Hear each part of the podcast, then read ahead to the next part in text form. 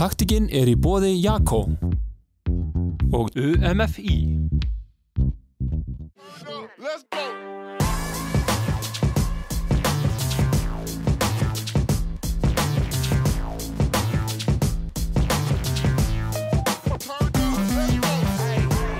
Það komið sæl og velkomin í taktíkina. Það er óhefndið þáttur hjá okkur þessu sinni. Ég er hérna í Reykjavík í höfustöfum UMFI og hinga til mín í settið er ég komið með góðan gest, auður framkvæmdastjóri, velkomin. Takk fyrir. Já, en við byrjum bara á eins að reyna að ná utanum UMFI. Þetta er mjög fjölfælt starfsemi. Það eru er reyfivíkan, það eru landsmótin og síðan já, öll samskipti eh, við öll íþróttafélögin. Já, hvernig myndum við skilgreina UMFI?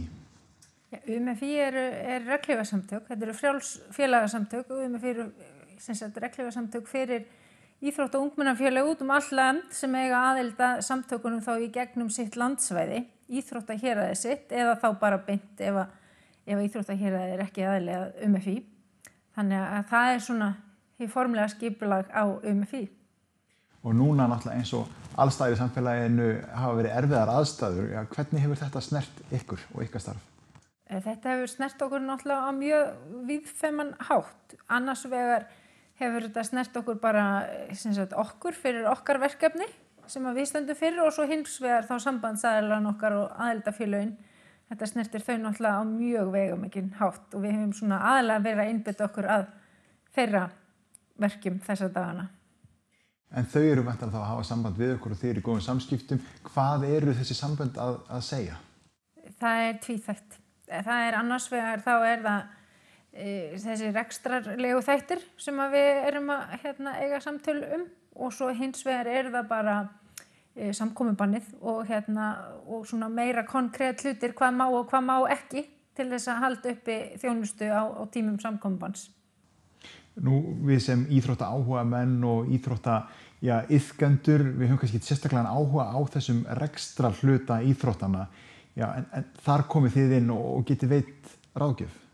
Já, við hérna gerum það og reynum að stiðja eins og við getum en það er nú oft þannig að hérna, þessi rekstralegu þættir er ekkert mikið í sviðsljósunu nema þegar það eru vandraði á þeim þá, þá dúka þeir upp á yfirborðið þannig að hérna og, og það er vissulega upp á yfirborðinu í augnablikinu en það er mjög krefjandi aðstæður við svo erum land.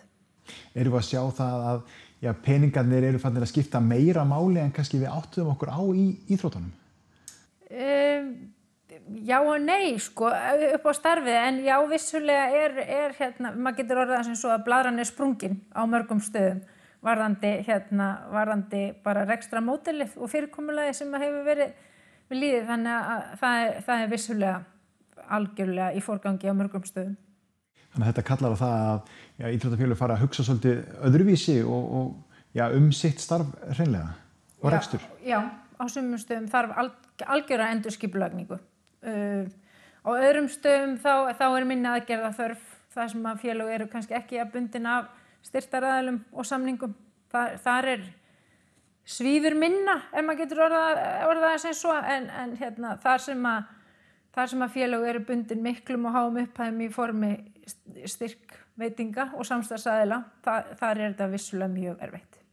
Nú sáum við líka svipaða erfileika í, í kreppunni, það kom upp erfileika núna í, í reksturinnum. Er eitthvað sem er hægt að gera til þess að koma í veg fyrir já, það sem kemur svo til með að koma í, í framtíðinni? Já, það er mjög áhugavert, syns, eftir á er mjög áhugavert að greina, greina kreppuna því að það sem að við sáum í, kreppunni var það að hérna, það komu fleiri sjálfbúðarlegar inn í störf íþróttarhefingarinnar í kjálfar kreppunar. Það var eins og fólk væri Ég veit ekki hvort það hefði meiri tíma eða hreinlega var að leggja meiri hérna, þyngd í samfélagi sitt og að leggja sitt að mörgum, taka þátt og, og, og vera þáttakandi í starfinu í félaginu sínu. Þannig að vissulega geta þær aðstöður orðið aftur til núna en ég segi það, það er kannski ekki rosalega spennandi fyrir marga að fara að koma sem sjálfbóðarlega að starfi félagsins núna þar sem að þar sem að fyrir liggja mjög erfiðar ákvarðanir og, og, hérna, og uppbyggingafasi og endurskipula en það getur vel verið að mörgum finnist það líka krefjandi en vonandi náum við fólkinu inn í þessi mikilvægu sjálfbóðlega störf.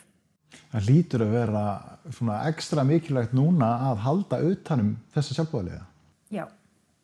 Og halda utanum sjálfbóðlegan okkar og halda utanum bara fólki okkar í, í félagunum og yfgöndunar.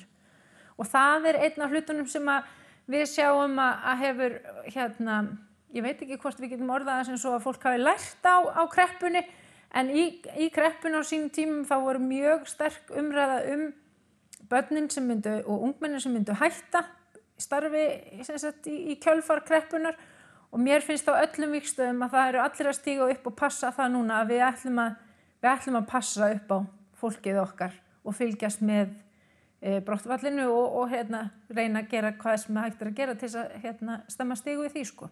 Þannig að mér finnst félagin vera svona svolítið fyrr e, já, á tánum varðandi þá hluti. Hefur orðið vör við breytingu á, á samskiptum milli félaga í þessu ástandi? Já, og það, það er náttúrulega bara þannig að þegar við snúum bögum saman þá getum við náð betri árangri og félagin eru náttúrulega tilnett í því ástandi sem núna er að bera saman bækur sínar og, og hérna, veita góð ráð og, og, og bara deila hérna, reynlega reynslu sinni og þeim áskorunum sem þau standa framifyrir og við sjáum það, það og það er alveg sama við getum sett hvaða nafn og hvaða bæjarfélagi sem er á, á þann blætt að það skiptir einhver máli hvar það er. Oft á tíum hafa verið svona staðir eða félög það sem er tölverður ríkur á milli með íþróttarlegu sjónamiði en ég upplifa að þeir sé að snúa, snúa bökum saman og koma sterkari út allir fyrir vikið. Það er staður og stund fyrir ríin annars er hann á vellinum og hlautan Hann má vera á vellinum allan daginn og enda er ekkert betra heldur en að hafa góða samkeppni á íþróttavellinum. En við getum stutt hvort annað á öðrum sviðum. En eins og samstarf eh, sko, sambandana, þú veist, ISI, KSI, UMFI, eh, hvernig, hvernig er þessi sambund að vinna saman? Já, ISI og UMFI hafa til dæmis í, í þessu COVID-mál núna hafa held ég aldrei áður verið jafn e, samstíga og farið jafn samtaka fram með upplýsingagjöf til sambandsæðlarna og þar sem þetta eru nú ofta tíðum sömu sambandsæðlarnir, íþróttahéröðin eru hjá UMFI en Íþróttahéröðin og sérsamböndin eru hjá ISI þannig að það væri nú hálf kjánalegt ef við værim að fara út með mismunandi upplýsingar þannig að það hefur gengið mjög vel að hérna veita sömu upplýsingarnar til okkar aðildafélag og það er mjög vel gert að mínum mati. Nú eru, nú eru við landsamtök, hvernig gengur að halda tengingunni við landsbyðinar? Það gengur mjög vel.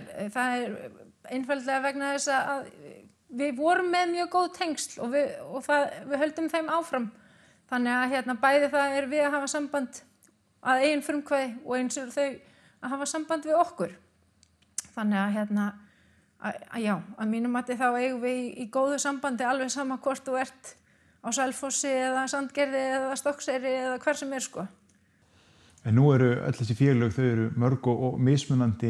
Er þetta sem er byggðir í landsins, er, er einhverju svæði bróttættari en, önnur?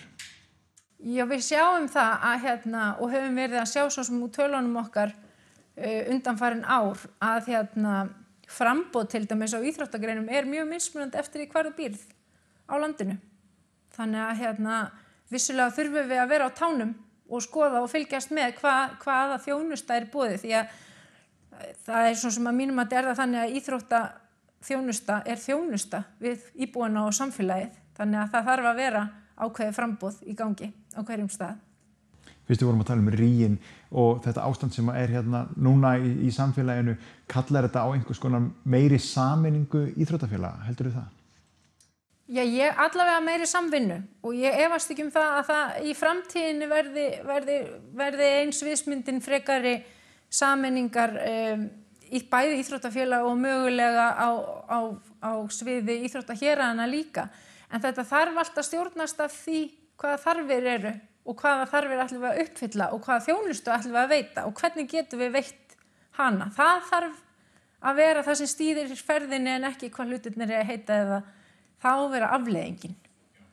En svo er líka þegar þið að veit út styrki, núna er barist um hver einustu krónu félögin mismunandi mismunandi stað með mismunandi þjónustu þetta getur verið mjög flókið allt saman ég held að stutt að svara við því er bara hreinlega já, þetta getur verið flókið og þess vegna er mikilvægt að reyna að vanda sig og setja niður forsendurnar sem að, hérna, eru til staðar og á bakvið, bakvið útlutunarnar. Þannig að hérna, allavega í, í tilfelli okkar félagsamtaka þá eru þær leikreglur skrifaðar á vettvangi samtakana sjálfra á þingi og félagin og, og koma að því hvernig þær eru samsettar og, og, og að vali á einstaklingum í, í nefndir og ráð. Þannig að, hérna, þannig að það er svona eins opið og gegnsætt og möguleiki er en að sjálfsögur er alltaf hægt að koma með goða tilögur um, um breytingar og bætur. Það er alltaf vel tekið í það. Og talandum breytingar og bætur, það hefur heldur betur bætt í, í félög innan UMFI núna nýlega? Já, það má eiginlega segja sem svo að, að samtökinn hafi nánast tvöfaldast að stærði fjölda.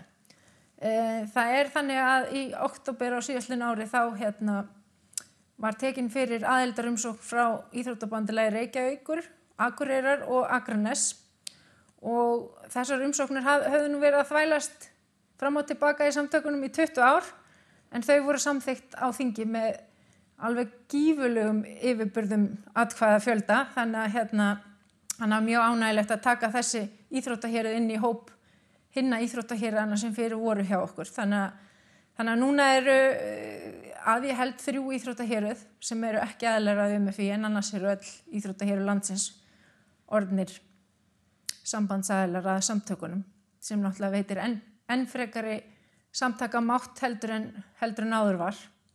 Þetta er mjög einróma ákvörun en það er nú líklega eitthvað verið tekist um þetta svona í aðdragandunum að því að auðvitað eru kostir að vera fleiri saman en, en það reynir líka meira á þá að, að heyra í röttum allra.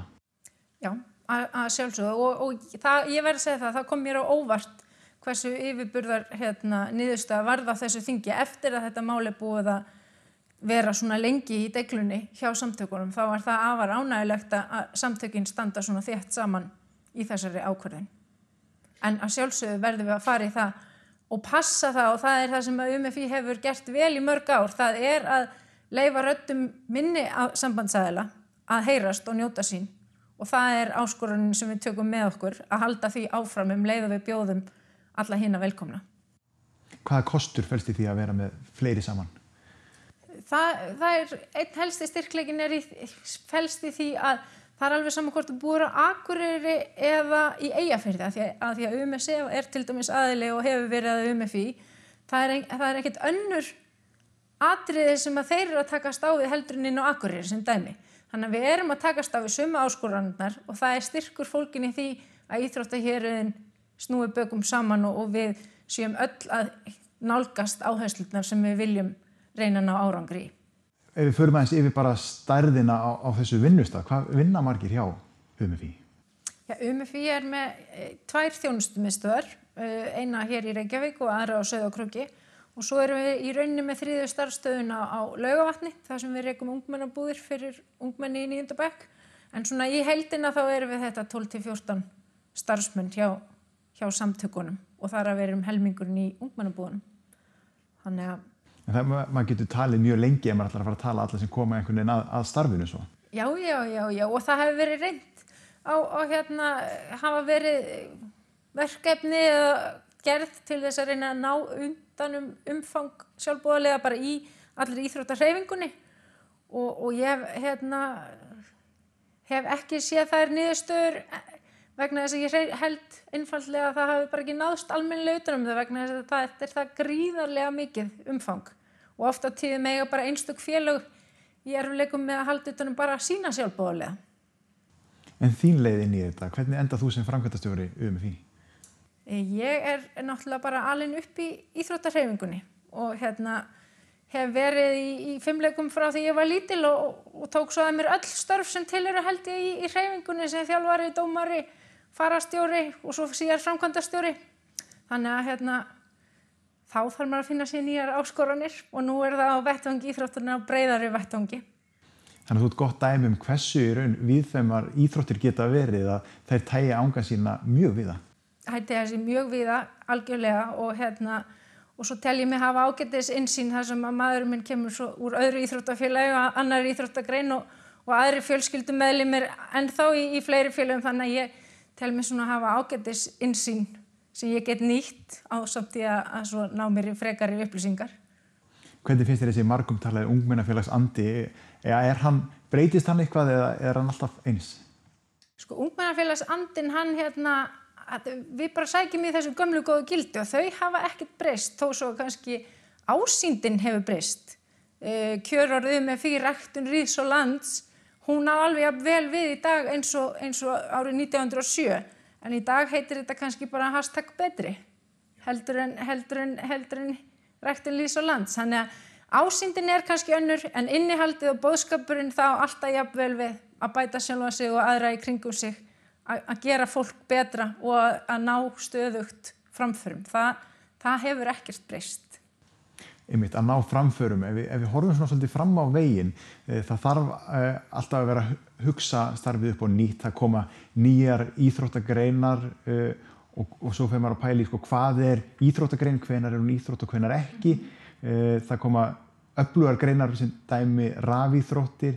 Ef við horfum fram á veginn og, og UMFI, hvernig lítur svona, líta næstu árin út?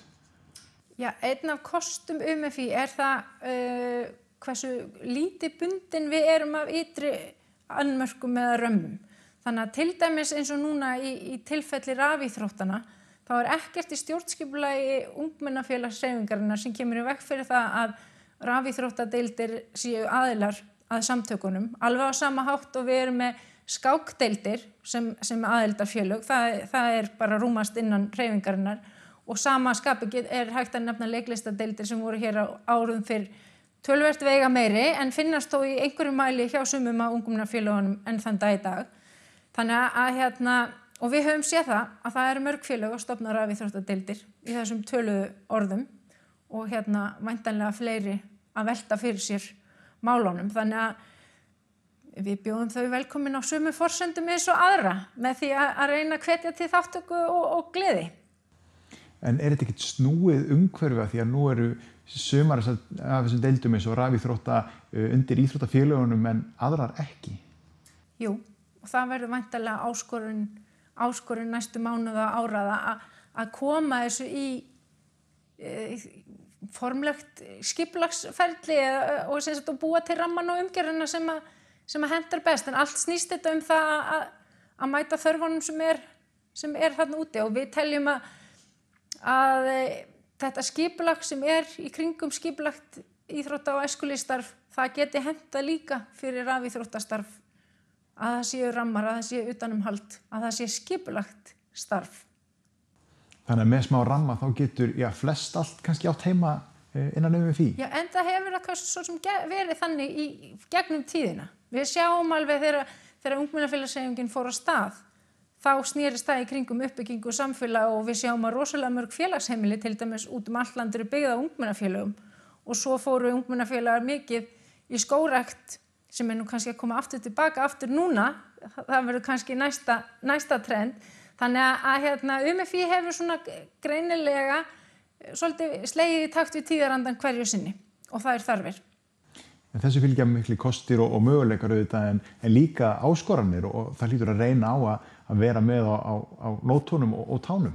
Algjörlega, en mikilvægast er bara að við stöðnum ekki, að við séum, við séum óhrætt og að við séum með frumkvæði til þess að takast á við þær áskorunir sem eru framöndan.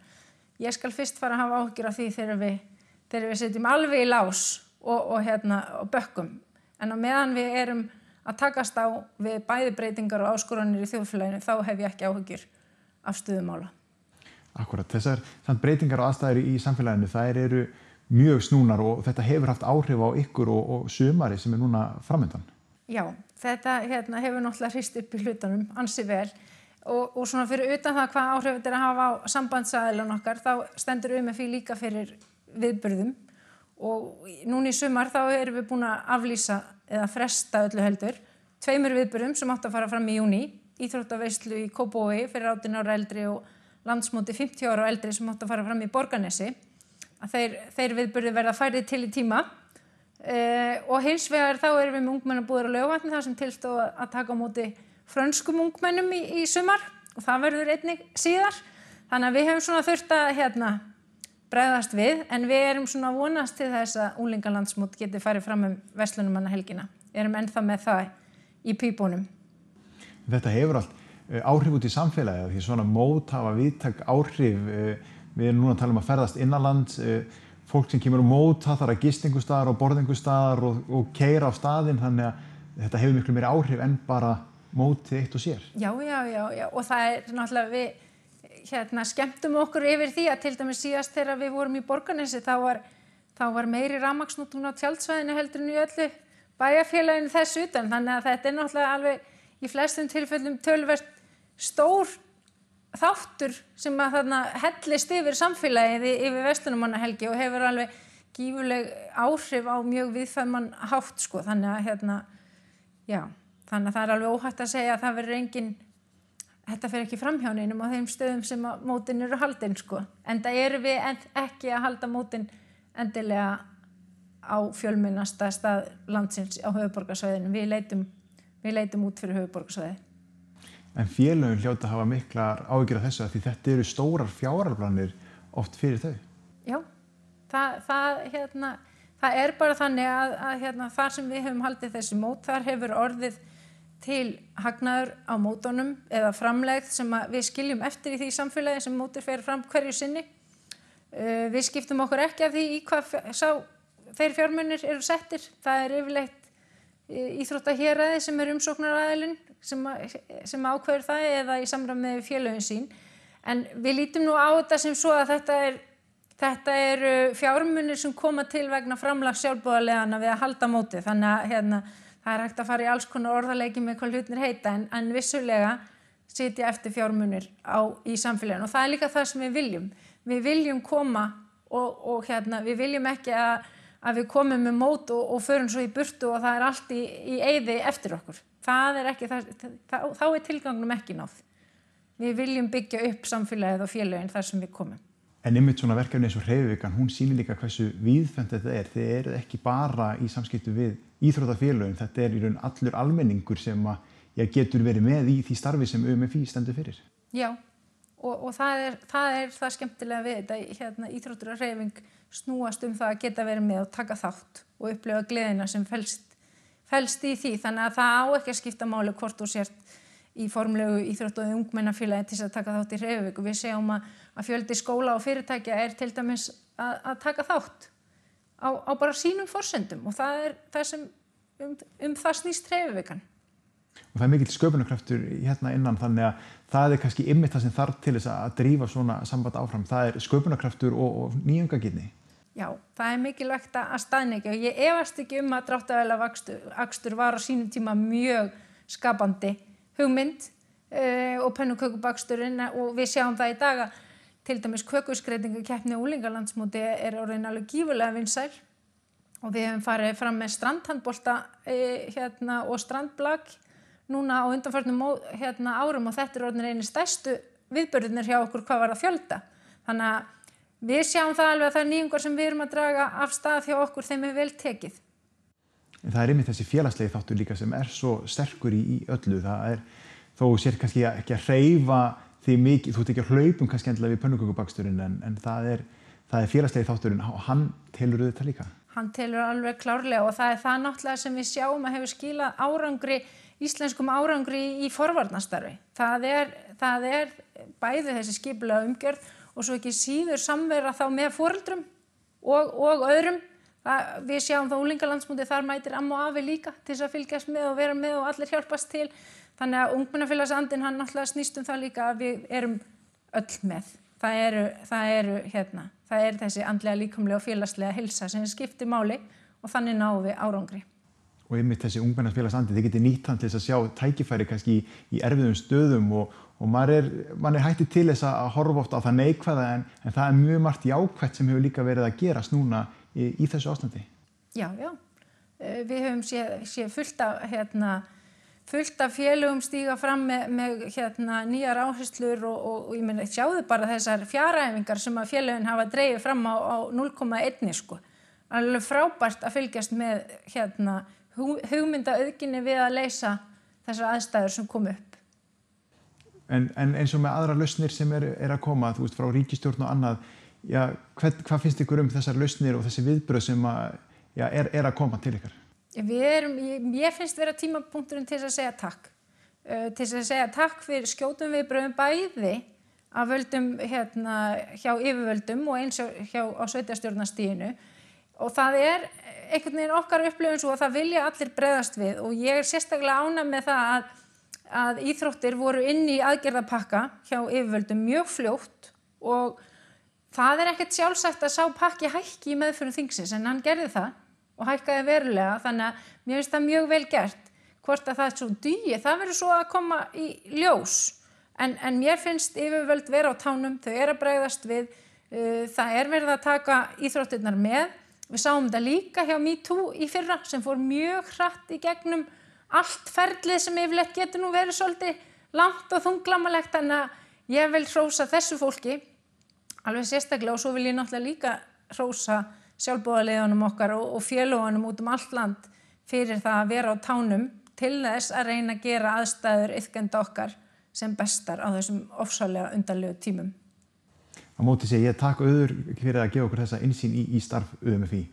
Og takk áhörundur fyrir áhörfið. Þetta var síðasti þáttur fyrir sumafrí þannig ég sé gleðilegt sumar og við sjáum svo eldress eftir það.